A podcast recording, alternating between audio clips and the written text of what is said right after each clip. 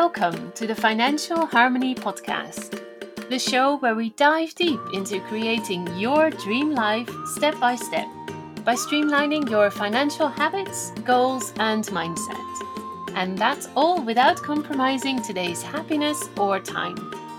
I am your host, Inge Natalie Hol, personal finance author and coach.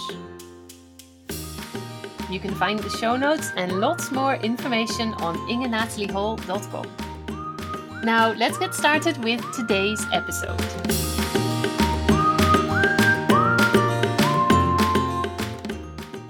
Hey, and welcome to this episode of the Financial Harmony Podcast. I am so glad you tuned in again, and we are currently on episode number 23 with three things to track monthly. So, if you've been following me for a while, I think you know by now that I started off on this journey to personal finance mastery because I myself was really struggling organizing my finances and organizing my money in a more strategic way. The truth is, when I started off on my journey, I had absolutely no financial organization. I had no idea what my money situation was, what my retirement was going to be like, and I had absolutely no idea where to start in order to move forward. There was no clarity. My mind and my finances were all over the place, and I just had no clue on what was going on. So I started investing in becoming more financially aware. So, when I started digging deeper into personal finances and pretty much reading everything I could get my hands on and listening to any podcast I could find on personal finance, I found that after a while, I wanted to be a little bit more on top of what was happening.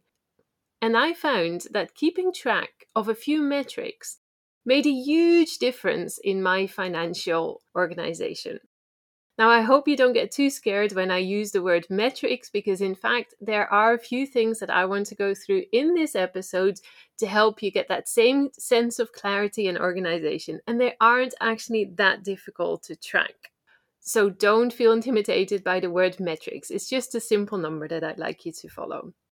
So I'm going to go through three things that I think are hugely beneficial to track on a monthly basis.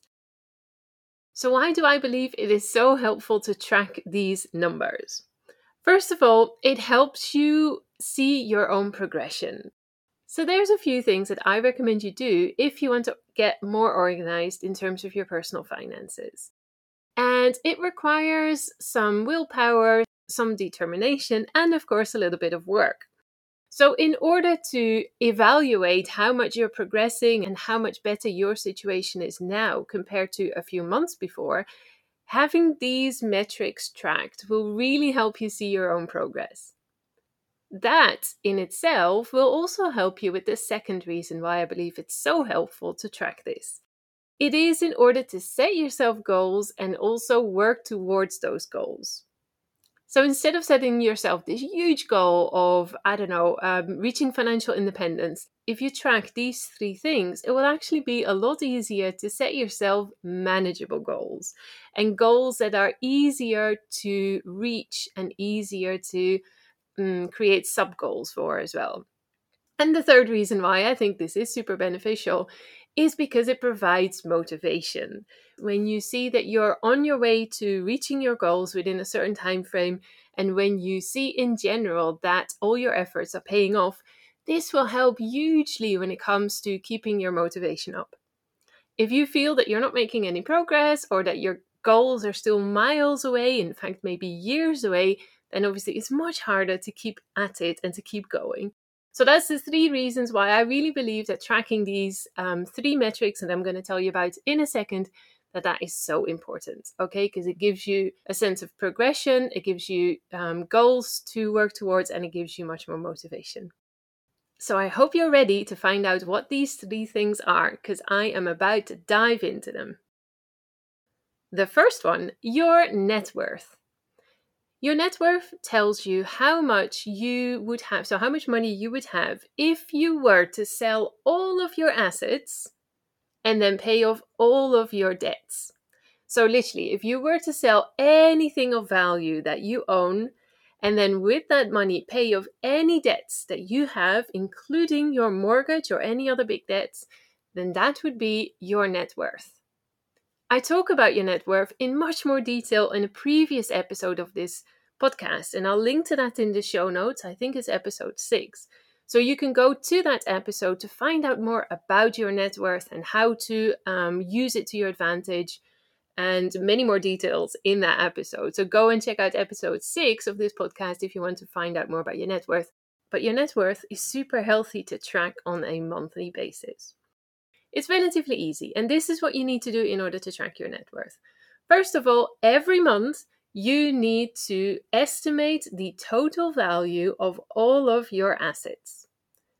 Now, usually this value doesn't actually change that much from month to month unless you have some assets that you're usually investing in. Say, for example, if you are making big contributions every single month to a investment portfolio, then obviously this does change quite a bit. The same is true for any retirement funds or savings. So definitely it is worth checking this on a month to month basis. But the bigger assets, such as maybe um, any real estate, I wouldn't worry about updating that so much from month to month because, in all likelihood, that won't change in price so much. And also, that might be quite a lot of work to find out the exact value. But any other assets that might have gone up or down in value, then yeah, absolutely update that from month to month. So, with any assets, I mean, um, as I said, your real estate, any savings accounts that you have, any um, investment portfolios, your retirement funds, and anything else of value. I normally recommend you don't include any assets that are likely to lose value over time. So think of cars, for example, or electronic equipment, because the longer you have them in your possession, the less they are worth. So that's not usually in your interest. Again, I go into that in much more detail in the uh, specific episode on net worth in terms of what to include and not. So go and check that out for more information. But anyway, step one to calculate your net worth Estimate the total value of all your assets. Step two, estimate the total val- value of all your debts. And with all your debts, think about credit card debt, overdrafts, your mortgage, um, as well as car loans or students lo- student loans that you have. So, any debts that you have, make sure that you estimate the value in all likelihood, this will definitely change from month to month because usually from month to month you will be making contributions to to pay off that debt. So every month you will need to include the new value of this. Once you have the total value of all your assets and the total value of all your debts, and all you do is take the total value of the assets, then minus it with the total value of your debts, and that is your net worth. So, for example, if you have a total value of assets of 200,000 and then your debts is a total of 100,000, then your net worth would be 200,000 minus 100,000 is 100,000. So that would be your net worth. So that's the first metric to get started with. Okay, the second one I would like you to track is to track your income. And I think this is probably my favorite metric to track. I also believe that one of the things that sets me apart from many other personal finance authors and coaches is that I don't want to focus too much on cutting expenses. Because, in all likelihood, you probably don't want to cut many of your expenses, or you might even feel that this isn't possible because one can only ever cut so much. At one point, you just need to say, Look, I am still spending on all the essentials. Um, there isn't much more that I can cut out. In fact, I believe that if you do just focus on cutting your expenses, then you're taking away an awful lot of the fun and the exciting stuff in your life. I believe that one needs to find the right balance between having fun and using their money now to have that fun, as well as investing in your future and building up more security for your future.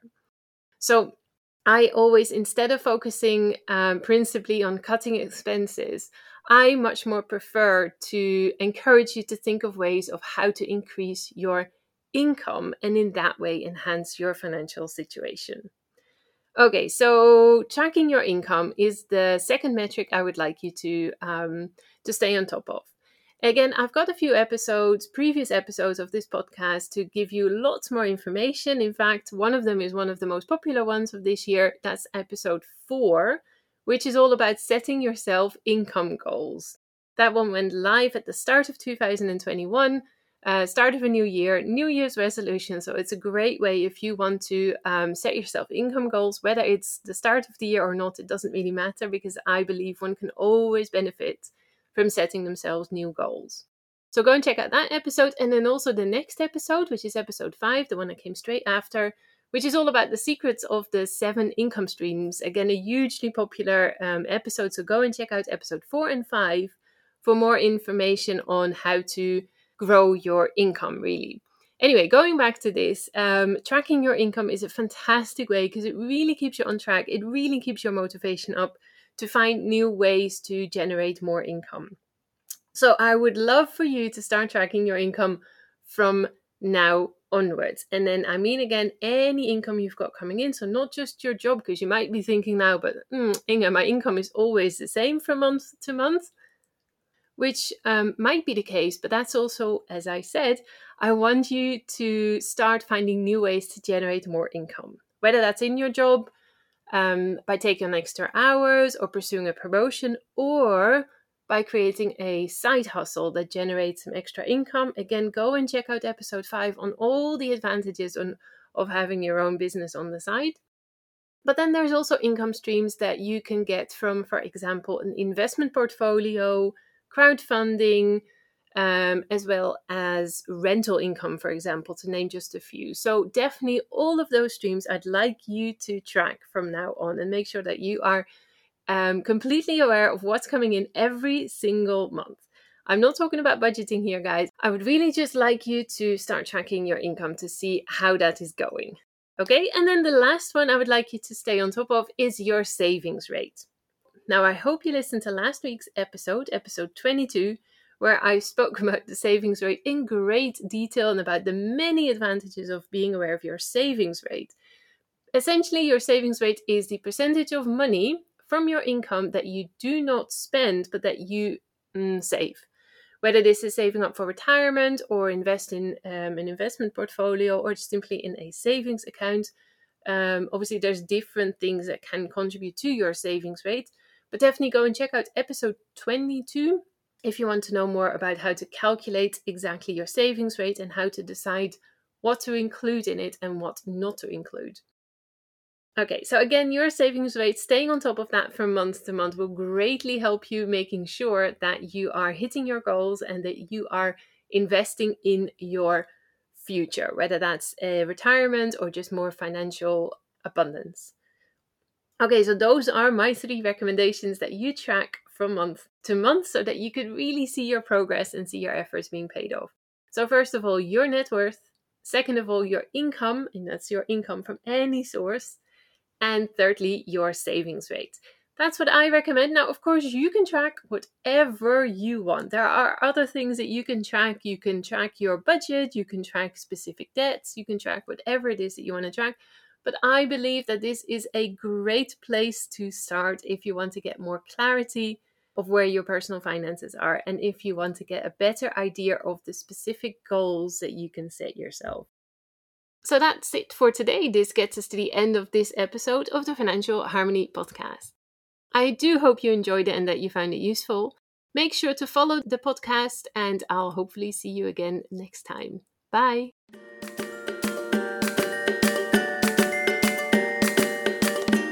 Thank you for listening to this episode of the Financial Harmony Podcast. If you enjoyed today's show, please make sure to subscribe or leave a review. Remember to head over to ingenataliehol.com for your show notes, free downloads, and lots more information. That is I N G E N A T A L I E H O L.com. And if you really want to get started working on your dream life, then make sure to download the 10 steps to kickstarting your big dream over at resources.ingenataliehol.com forward slash dreamlife. You can also find me at Inge Hol on Instagram as well as on Facebook. New episodes are dropped each Tuesday, and I hope you'll tune in again next time. Until then, Have a fabulous week.